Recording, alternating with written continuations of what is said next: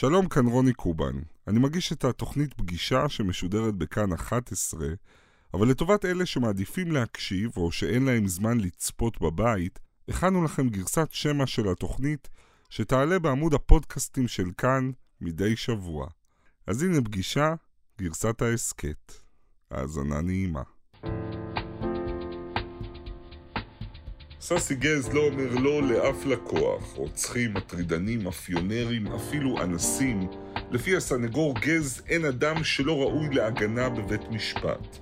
מה כל כך מרגיז אותו בתנועת מיטו, מה למד על עבריינים בילדות בפרדס כץ, ומה אסור בשום אופן להגיד לו אם רוצים הנחה בשכר הטרחה. ססי גז הוא האורח שלי הערב. שלום אדוני הפרקליט. וואו, חשבתי שכבר אי אפשר להפתיע אותי בחיים. וואי, מה זה? וואו, אני לוקח את זה איתי הביתה היום.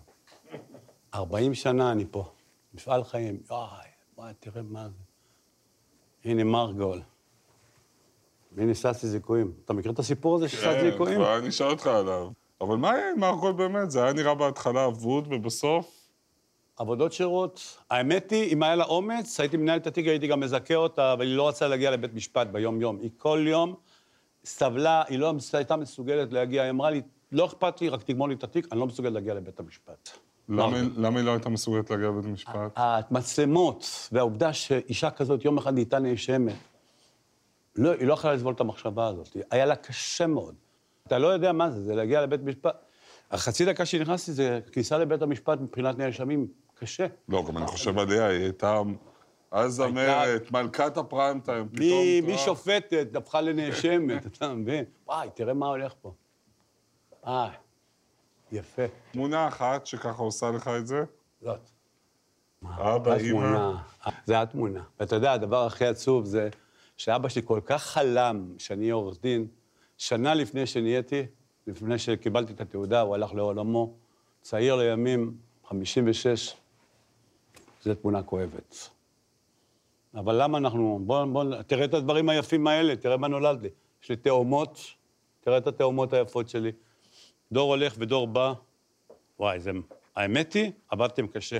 אני רואה את, הס... את הסנגור... אה, מתרגש קצת. כן, ממש. כן. יאללה, בוא נתחיל. הכותרת שעשתה לי את זה באמת זה סאסי זיכויים, זה מיתולוגיה, כי אתה באותו זמן הגעת ל-12 זיכויים ברצף? ברצף. אתה יודע, ניהלתי 12 משפטים רצופים וזיכיתי 12, זה היה שיא השיאים אז בזמנו, ומנחם שזף, שהיה חבר שלי, כתב כתבה, בא, הוא, השם היה ססי זיכויים, ועשה את כולם רצוף אחד אחרי השני, ואז, גם היום, הייתה עבירה אתית לפרסם את עצמך. והעמידו אותי לדין משמעתי בלשכת, והשופטים יושבים ושומעים, ואז הוא הגיע, והוא העיד, הוא אמר, מה פתאום, הוא לא שתף פעולה, את כל זה אני יזמתי, עשיתי את זה מיוזמתי. אה, אה. האמת, זה מה ש... אה, הרשה לי לפקפק. אני אספר לך מה שמנחם סיפר. אתה חולה פרסום לא קטן. לא, לא, אתה לא תראה אותי בתיקים שלי. אוקיי. אתה תראה אותי מפרשן תיקים אחרים. לא, אבל אתה אוהב את זה, אתה אוהב את המצלמות. אני לא שונא... הרגע הזה שאתה יוצא מבית המשפט, וכמו בטלוויזיה, בסדרה אמריקאית, כולם מתקתקים, צ'ה צ'ה צ'ה. תראה, אומרים על כל עורך דין שהוא שחקן מתוסכל. ואנחנו לא רק אה, שחקנים מתוסכלים, אנחנו גם הבמאים, המפיקים, ואנחנו גם כותבים את התסריט, וכל פעם הוא שונה בניגוד לשחקן רגיל. ואז העמידו אותי לדין משמעתי, וכשהוא העיד ככה, קיבלו את העדות שלו וזיכו אותי. ברור. ואז אמרתי לשופט, אתה רואה, שעשי זיכויים? אבל למחרת הרשיעו אותי בתיק אחר. אבל אני חושב על זה שהכותרת הזאת ועל הכוחות הרבים שפרוסים שם כאן על הקיר, חלק הואשמו במעשים איומים, יש לנו התעללות בקטינים, אונס קטינים, הטרדה מינית, ניסיונות רצח, סחר בסמים. בסוף ההגנה... זה העבירות הקטנות, עוד לא הגעת לחמורות יותר. מה הכי חמורות? יש רצח, שוחד גדולים, הכל היה שם. בסוף זה מפעל החיים שלך, להגן כן. עליהם.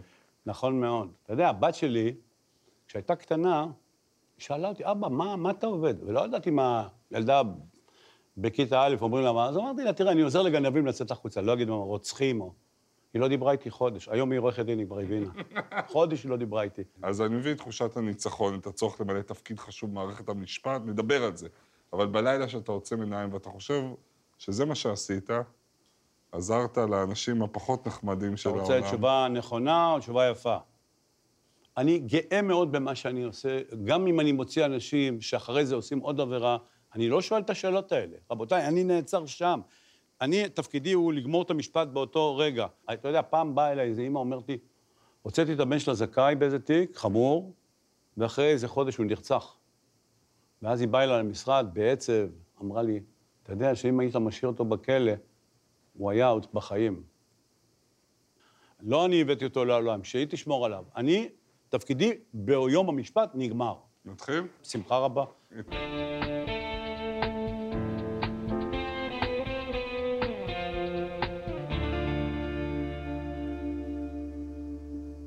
שלום לססי גז, שלום וברכה.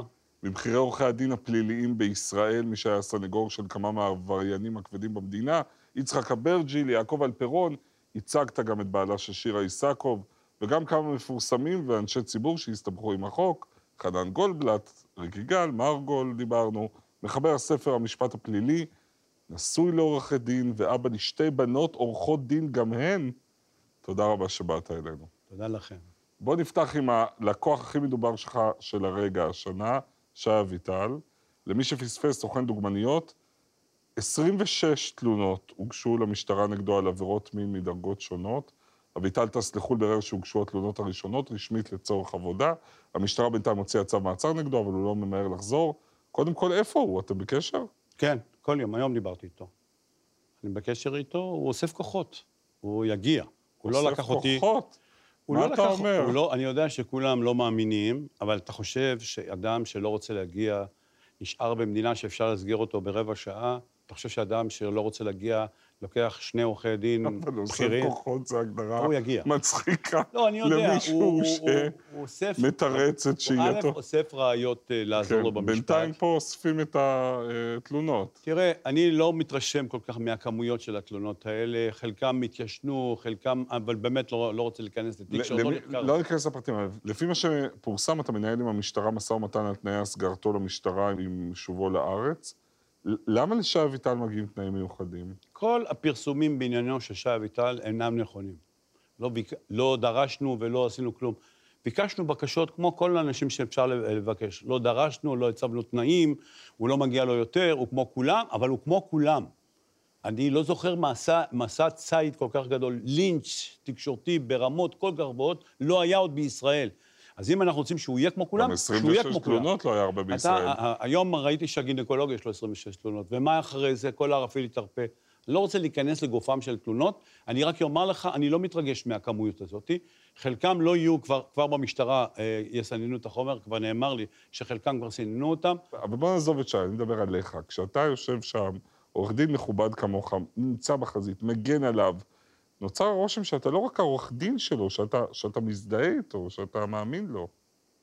תראה, אני אומר שאדם עד גיל 40 ומשהו לא עשה עבירה פלילית, בעיניי הוא איש ישר. אדם שעדיין לא הורשע בבית המשפט, עדיין לא נחקר, עדיין הוא שומר על חזקת החפות. רבותיי, לאן נעלמה חזקת חפות? היה הייתה פעם חזקה, אפשר לכתוב סיפור, היה הייתה פעם חזקת חפות, ולאט לאט התכרסמה. אני רוצה לשאול אותך, מה דעתך על מיטו? תראה, מיטו היא תנועה מאוד חשובה, ואני מאוד שמח שקמה התנועה, שנשותינו והבנות שלנו תסתובב לחופשי. אבא לשתי בנות. כן. אבל, לדעתי, היא קצת צעדה קדימה מדי. אתה יודע, יש לי כתבי אישום במשרד, אתה לא תאמין.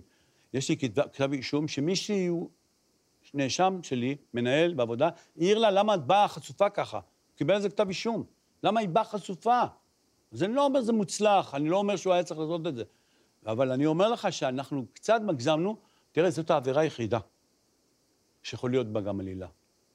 אתה יודע, רובם אולי אומרות את האמת. אני אומר, אבל רובם אומרות, רובם. אבל יש כאלה שגם משקרות. אבל אחוזים... והשאלה היא אם לך היום, בתנועות שקמו היום, בבית המשפט, שבאים עם שלטים ועם האונסים, השאלה היא אם הם לא מכניסים אדם אחד שלא אנס אבל באמת. אנחנו מדברים על... וזה הפחד שלי וזה קרה. אנחנו מדברים על מהפכה, אחוזי תלונות השווא הם הרי מזעריים. מדובר... זה המפחיד. לפי מחקרים על אחוזים בודדים או פחות, שלא לדבר על תת-דיווח בכל הנוגע לעבירות מין. הנזק של משפטי השדה לא זניח לעומת התועלת בזה שנשים קמות, מדברות, שאנשים יודעים שהיום, אם, אם. אם הם יפגעו, זה יצא החוצה והם ישלמו. אני מסכים איתך. איפה אני מפחד מזה, ממה- מהמשוואה הזאת? שגם השופטים אומרים את זה. השופטים אומרים לעצמם, 90, כולם, מה פתאום, למה שהיא תעבור את זה? למה שהיא תעבור את החקירה של עורך דין גז, ולמה שהיא תעבור את החקירה של החוקרים? מה היא צריכה את זה על הראש? וזה מה שמפחיד את זה, מתחיל לחלחל לבית המשפט. כלומר, אתה מאמין למישהו, למישהי עוד לא שמעת אותה בקולה? מה נקודת המוצא היא שכל הגברים, כולם לא אמינים? עד שנגיע למשפט... לא יאמן איזה סוויץ', איך אתה נהיה האיש הזה שמגן מכל הלב על... מדהים. דבר תכף על הסוויץ', אבל לא מדהים. לא, אבל אני אומר לך, אמיתי. אני שואל בעצם, סאסי, אם ישי אביטל לא דבק בך, עזוב רק אותו, הם, כן? האנשים האלה שעושים את הדברים הנוראים האלה, עם המעשים האלה, כשאתה מגן עליהם כל כך חזק, משהו מזה, הכתם לא מחתים גם אותך. לא, ממש לא. אני רוצה לומר לך, מי שלא הבין את המקצוע שלנו לא הבין את החיים. אני עם שני כובעים. יש לי כובע של עורך דין, ויש לי כובע של אזרח, אזרח טוב. אני לא מדבר על שי אביטן, אני מסביר באופן כללי את המקצוע שלי. אוקיי. Okay. אני סכיזופרן. חלק אני עורך דין, פלילי, וחלק אני אזרח, אבא, אבא טוב, מעריך, סבא כבר, ומשלם מיסים, ועשיתי מילואים, הכל בסדר. זה שני ה... זה הסכיזופרניה שלי. כשאדם מתקשר אליי, הוא לא פונה לאזרח שבי, הוא פונה לעורך דין שבי. אני מחליף את הכובע מהר, שם את הכובע של העורך דין הפלילי ומתחיל לעבוד בשבילו, תמורתו אני עושה כל דבר, אבל כל דבר חוקי לגמרי, רק חוקי, לא עושה משהו לא חוקי, ואני לא מזדהה, אבל אני עושה הכל למענו. ו... זה תפקידי. אם לא היה אנשים כמוני, לא היית יכול לשאול את השאלות האלה, לא היית יכול להסתובב חופשי במדינת ישראל. בסדר, נגיע לתפקידה של מערכת המשפט, אבל כשאתה, מתקשר הבן אדם, אמרת, והוא מתקשר אליך כי אתה עורך דין פלילי. באותו רגע. לא כי אתה אזרח טוב, הוא מגיע אליך לפגישה, אתה שואל אותו, עשית או לא עשית? בחיים לא. אתה יודע, המעבר הזה הוא מעבר כל כך חד, לפעמים אני רואה מקרה מזעזע, אני גם מזדעזע, כמו כולם. ואני יושב על פלאג, אני אומר לאשתי, תראי איזה מקרה, ואז הוא מתקשר אליי, ובאותו רגע הזעזוע מפסיק... האיש המזעזע, המזעזע הזה מפסיק להפסיק. המזעזע לכאורה מתקשר אליך. הוא מתקשר אליי, ואז אני חובש את הכובע השני שלי, הוא מפסיק לזעזע אותי. אני מסתכל... זה מעניין אותי.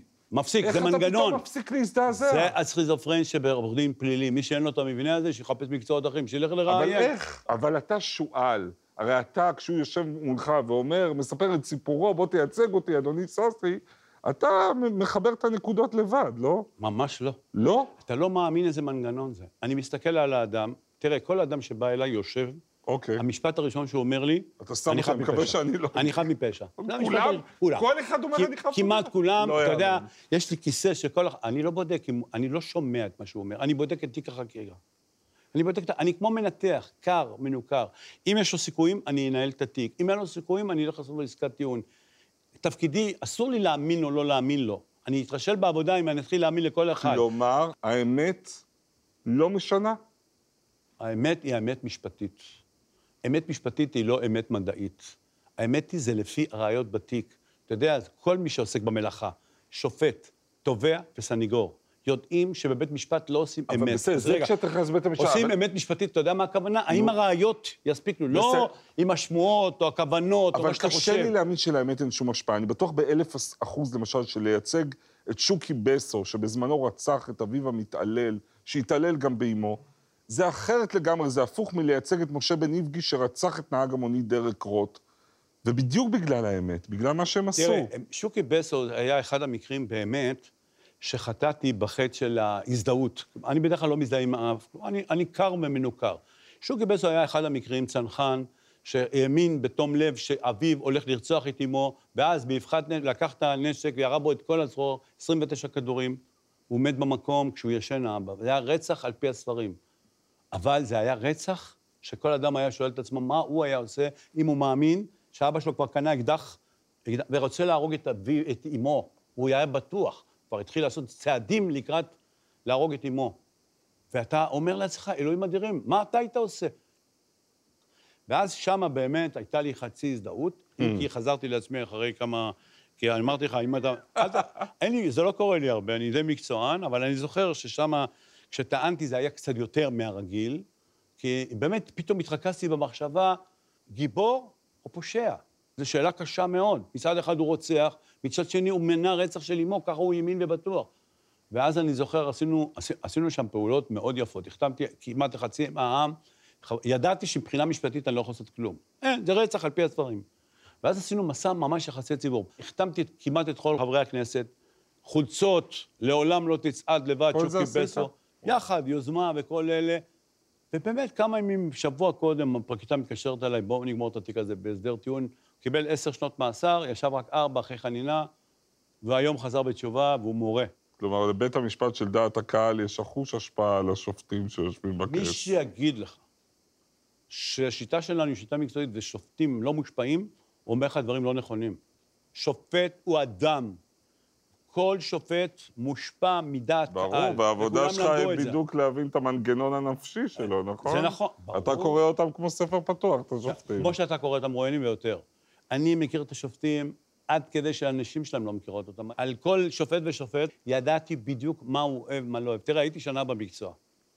בשנה במקצוע היה לי באותו יום, אותו טיעון היה לי אצל שני שופטים שונים, באותו יום. פה אני מגיע, הטיעון היה שהשופ... שהנאשם שלי עשה שירות סדיר. שירות, מילה שירות, ואני טוען אצל השופט הראשון, באותו יום. עשר בבוקר, אדוני, האיש שירת שירות מלא.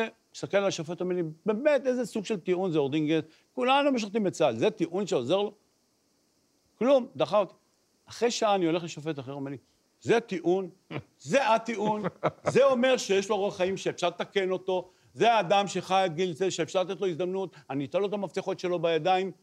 ואז למדתי את מה שאמרו לי בשיעור ראשון למשפטים, שלפני שאתה יודע מהו החוק, דע מי הוא השופט. מי הוא כי הוא השופט. כותב את ההחלטה, לא אני. הכל אנשים. בניב גיש, שהזכרתי קודם, לא התחשק לשאול למה הוא וארבל אלוני החליטו להיכנס למונית ולירות בנהג בן 51, דרק רוט, שהם בכלל לא מכירים. בתיק הזה יש שתי שאלות שלא נפתרו עד היום הזה. השאלה הייתה למה, והשאלה מי ירה. עד היום. אבל איש סקרן כמוך, לא ניהלת איתו אף פעם שיחת אוי, נפש? זה אחד המקרים שבאמת היו לי שיחות איתו. כשהלכתי לראות אותו, הייתי במתח, לראות איך ילד נראה בן חמש... ואתה יודע, אני לא רוצה להגיד לך, הוא נראה ילד מאוד טוב. הוא היה ילד תמים, ילד, אני, אני הבנתי את ילד המנגנון. תמים. אז הוא היה, עד המקרה הוא היה ילד שנראה תמים, ילד שעוד לא התגלח. ואתה רואה את העבירה ואתה לא מקשר. לקח זמן לי הילד לקשר. הזה הוא רוצח. הוא היה חשוב. אז מה היה, מה עלה בשיחות הנפש שלכם? אתה יכול בשיחות נפש לספר אותם פר אין שיחות נפש? משהו. קיבלת גם- תשובה על השאלה שמסקרנת אותנו כל כך? למה? אני יודע, אתה יודע למה? כן, אבל אני לא אספר את זה. אתה אדם מאמין, נכון? כן, אני אדם מאמין באופן כללי, אז לא אם- חי, אני לא חי חיים של אדם אם מאמין. יש גן עדן וגיהנום, לאיפה תגיע בבוא יומך? אני מאמין שאני אהיה בגיהנום עם כולנו, עם כל עורכי הדין שם, אבל אני מאמין שפעם בחודש יביאו לי כוס תה חם בגלל כל מיני מצוות שעשיתי. אותם אנשים שהוצאתי, דרך אגב, אני מייצג הרבה דתיים, אז הם יעברו בגדר ויביאו לי שם. כוס תה בגיהנום. כוס תה בגיהנום, פעם בחודש, אני מעריך ומאמין.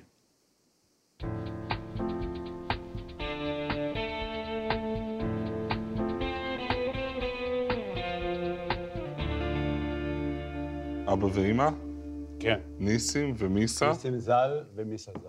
והם עלו לישראל מ- שנת 52, אני, אני מלוב.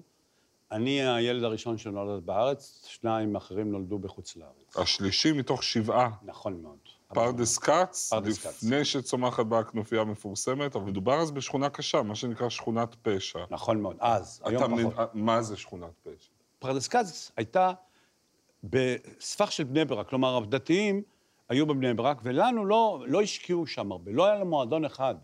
לא היה מועדון נוער, לא כלום. הלימודים היו לימודים, ואחרי זה לא היה לך מה לעשות, וכל האנשים שלא היה להם מה לעשות, אה, התחילו לעסוק בפשע. איך אבא ואימא שומרים אתכם מחוץ לזה? הדת. אנחנו היינו אנשי דתיים, ואבי מאוד הקפיד, גם אמי, שלא נתחבר לפשע. אבא שלי אמר לי משפט שבערבית נשמע יותר יפה, אל תגיד לי לערבית, כי אני לא יודע להגיד את זה. אם תפתח ספר, לא תצטרך לסחוב אותו יום אחד, לא תהיה סבל. הערכים שגדלנו הם ערכים של אל תתקרב לשם. היית פחדן וחלשלוש, נכון? הייתי חלשוש, לא פחדן, אבל הייתי, הייתי ילד חלש. העורך דין הראשון שבי יצא בגלל העובדה הזאת. נגיד מתקרב אליך בריון כמוני, ואתה אפס, אוקיי, ואז הייתי מסביר לאותו בריון, נו. למה אסור להרביץ? למה הוא מפסיד ברגע שהוא מרים ידיים? למה הוא חלש? והיה לי כמה שניות באותו רגע להסביר לך את זה. ככה הצעת את עצמך במכות. ולאט לאט גם התחלתי להגן על אחרים בשכונה, שהיו חלשים כמוני, וכולם ידעו, בבית שלי, בשכונה ידעו, בצבא ידעו כבר, שאני עורך דין פלילי. ואתה יכולת אז, או אולי היום, להבין את הילדים הנער, והנערים מסביבך שחצו את הגבול הפשע, שהלכו כן. לכיוון... עד היום אני מבין אותם. כשאתה רואה עבריין אחד, אתה מאשים אותו, שניים, אתה מאשים אותו, רחוב, אתה עוד מה... שכונה שלמה שכולם עבריינים, החברה אשמה. החברה אשמה, ואיפה היינו כולנו. כשאני ראיתי את פרדס כץ, הבנתי שכתב האישום צריך להיות נגד מדינת ישראל.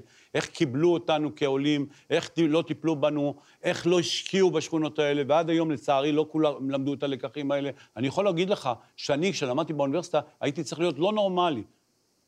והנורמלים לא הגיעו לשם. Mm. הייתי צריך להיות לא שפוי, להאמין בדברים אחרים ששם לא חינכו אותנו להאמין בהם. תבדוק כמה השקעה, כמה הקצבה יש לאלה שמשתחררים מהכלא.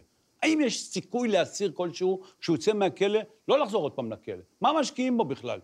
וישר החברה עוד פעם מגנה אותו ועוד פעם מחזירים אותו פנימה. כשאתה. פוגש עבריינים, אתה מביא את ההיכרות הזאת לשולחן, את זה שאתה באת מאיפה שבאת. היה לי יותר קל להבין אותם ברגע הראשון. הנורמות הן מאוד שונות. אתה יודע, עבריינות זה תרבות בתוך תרבות.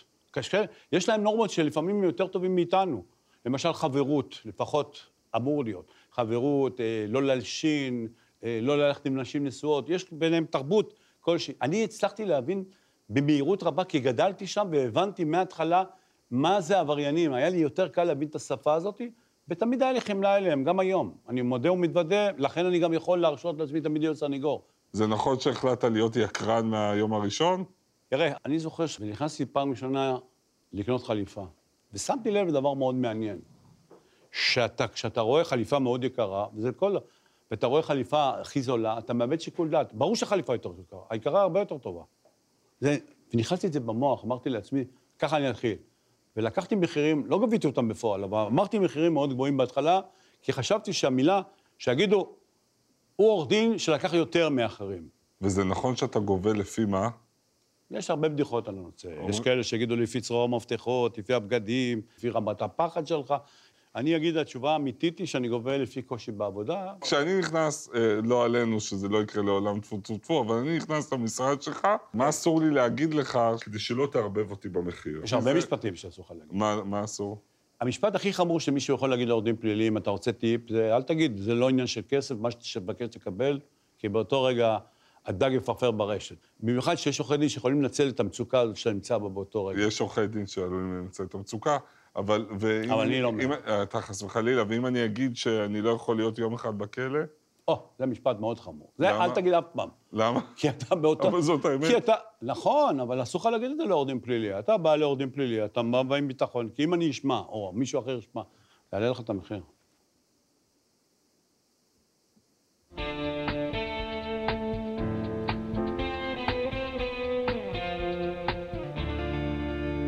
דצמבר 2002, כל המדינה עוקבת אחרי סיפור היעלמה של הפעוטה הודיה קדם. אלפי אזרחים בחיפושים אחריה, עד שמתברר שמי שרצח אותה וקבר את גופתה הוא לא אחר מאשר אביה אלי פימשטיין. בוא, בוא נזכר. בצהריים הובאה הודיה קדם פימשטיין לקבורה, תינוקת שטרם מלאו לה שנתיים. סיפור נורא של ילדה שנרצחה בידי אביה, שרק שלשום קרא לבבות כשהתחנן שיחזירו להם את בתו.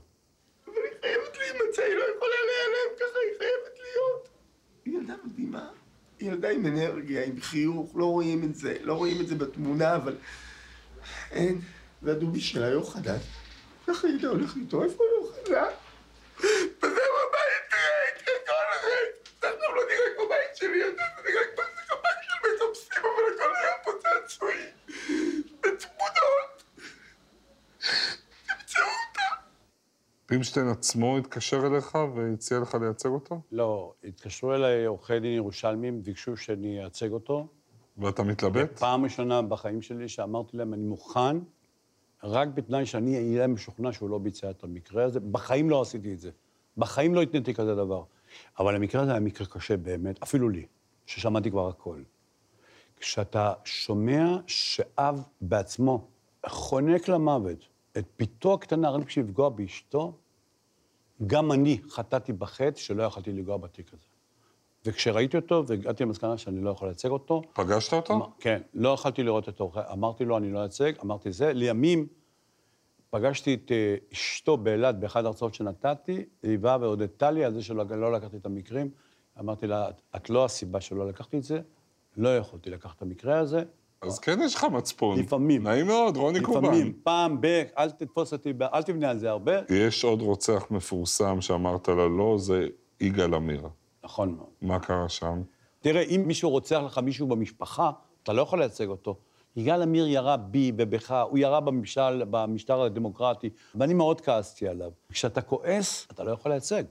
אם אתה לא מתנתק, כמו שאמרתי לך מקודם, אתה לא מצליח להחליף כובע, אתה נשאר אזרח כועס. אבל כמו שסיפרת בהתחלה, אתה רואה בטלוויזיה, אתה כועס, אתה מזועזע. אבל פה לא עבר לי. ואז הם פנו אליך? כן. פנו אליי וביקשו שאני אייצג. משפחת עמיר? משפחת עמיר, ולא יכולתי לייצג אותו. כעסתי על זה שבא בחור, משנה לנו את הבחירה. גם אשתך הייתה. נגד, זה בטח עזר, אוי, נכון? אתה לא יודע כמה המשפחה שלי הייתה נגד הסיפור הזה. מההתחלה ידעתי שיגאל עמיר יגיע אליי, והיה אז עיתורית. אתה זוכר? ביפר, כן. ביפר. שכחתי אותו בבית. התקשרתי הביתה לאשתי, שאלתי אותה, דניאלה, שהיא גם עורכת דין, כמו שאתה יודע, יש הודעות, ואז אני שומע שקט. מה קרה? משפחת אמיר פנתה אליך, ואז היא פונה ואומרת, ססי, מעולם לא התערבתי לך בעבודה, הפעם אני מבקשת שלא תעז לקחת את המקרה הזה ולא כלום. עכשיו, ידעתי והחלטתי שאני לא אקח את המקרה, אבל מה אכפת לי שאשתי תתחנן? התקשרה אליי כל היום, שלחה לי את האחים, את כל המשפחה, עד היום בבטוחה, עד התוכנית הזאת לפחות, שעשיתי לה טובה שוויתרתי עליה. ניצלתי את זה עד תום. ששי, לסיום, בוא נדבר קצת על האיך, על השואו הזה שנקרא עורך דין פלילי. תשכנע אותי במשהו מופרך, שגם לצופים ברור שאין סיכוי שתשכנע אותם. אני יכול לנסות לשכנע אותך שכרגע שאנחנו משוחחים, יושבים כמה אנשים בבית הסוהר, על לא עוול בכפם, שכל המערכת יודעת את זה, והם נותנים להם להמשיך לשבת שם.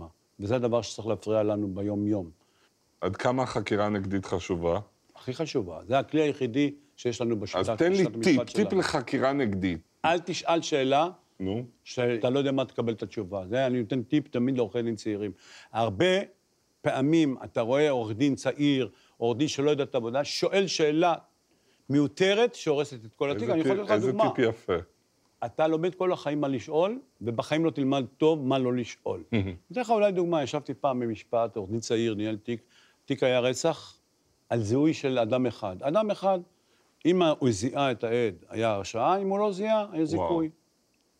ואז העד בחקירה ראשית, עוד לפני החקירה, אמר, אני מזהה, אבל לא בוודאות, את הנאשם. שב, אל תחקור, למה אתה צריך לחקור? יש לך את העד, הוא אמר את הדבר הכי אין טוב. ספק. אין ודאות, זה הספק. קם הסניגור, בגלל שהוא הכין את זה בבית, והשאלה הראשונה, שואל אותו, מה זה נקרא אצלך בוודאות? הוא אומר, אמרתי את זה סתם בשביל הזהירות, זה הוא, זה הנאשם הזה בוודאות מלאה. בכל שאלה עוד ועוד ועוד ועוד, אני לא יודע איך זה נגמר, אבל אתה צריך להימנע משאלות מיותרות. כבוד העורך דין, לסיום, איזה שאלה יכולתי לשאול והחמצתי? האם היה לי כישלונות? תספר לי על הכישלונות שלך. עכשיו תענה. אני אגיד לך שאני לא עונה על שאלות שאני שואל את עצמי. אני יכול להגיד לך שישנם אנשים שיושבים בבית סוהר, אבל זה לא התיקים שלי.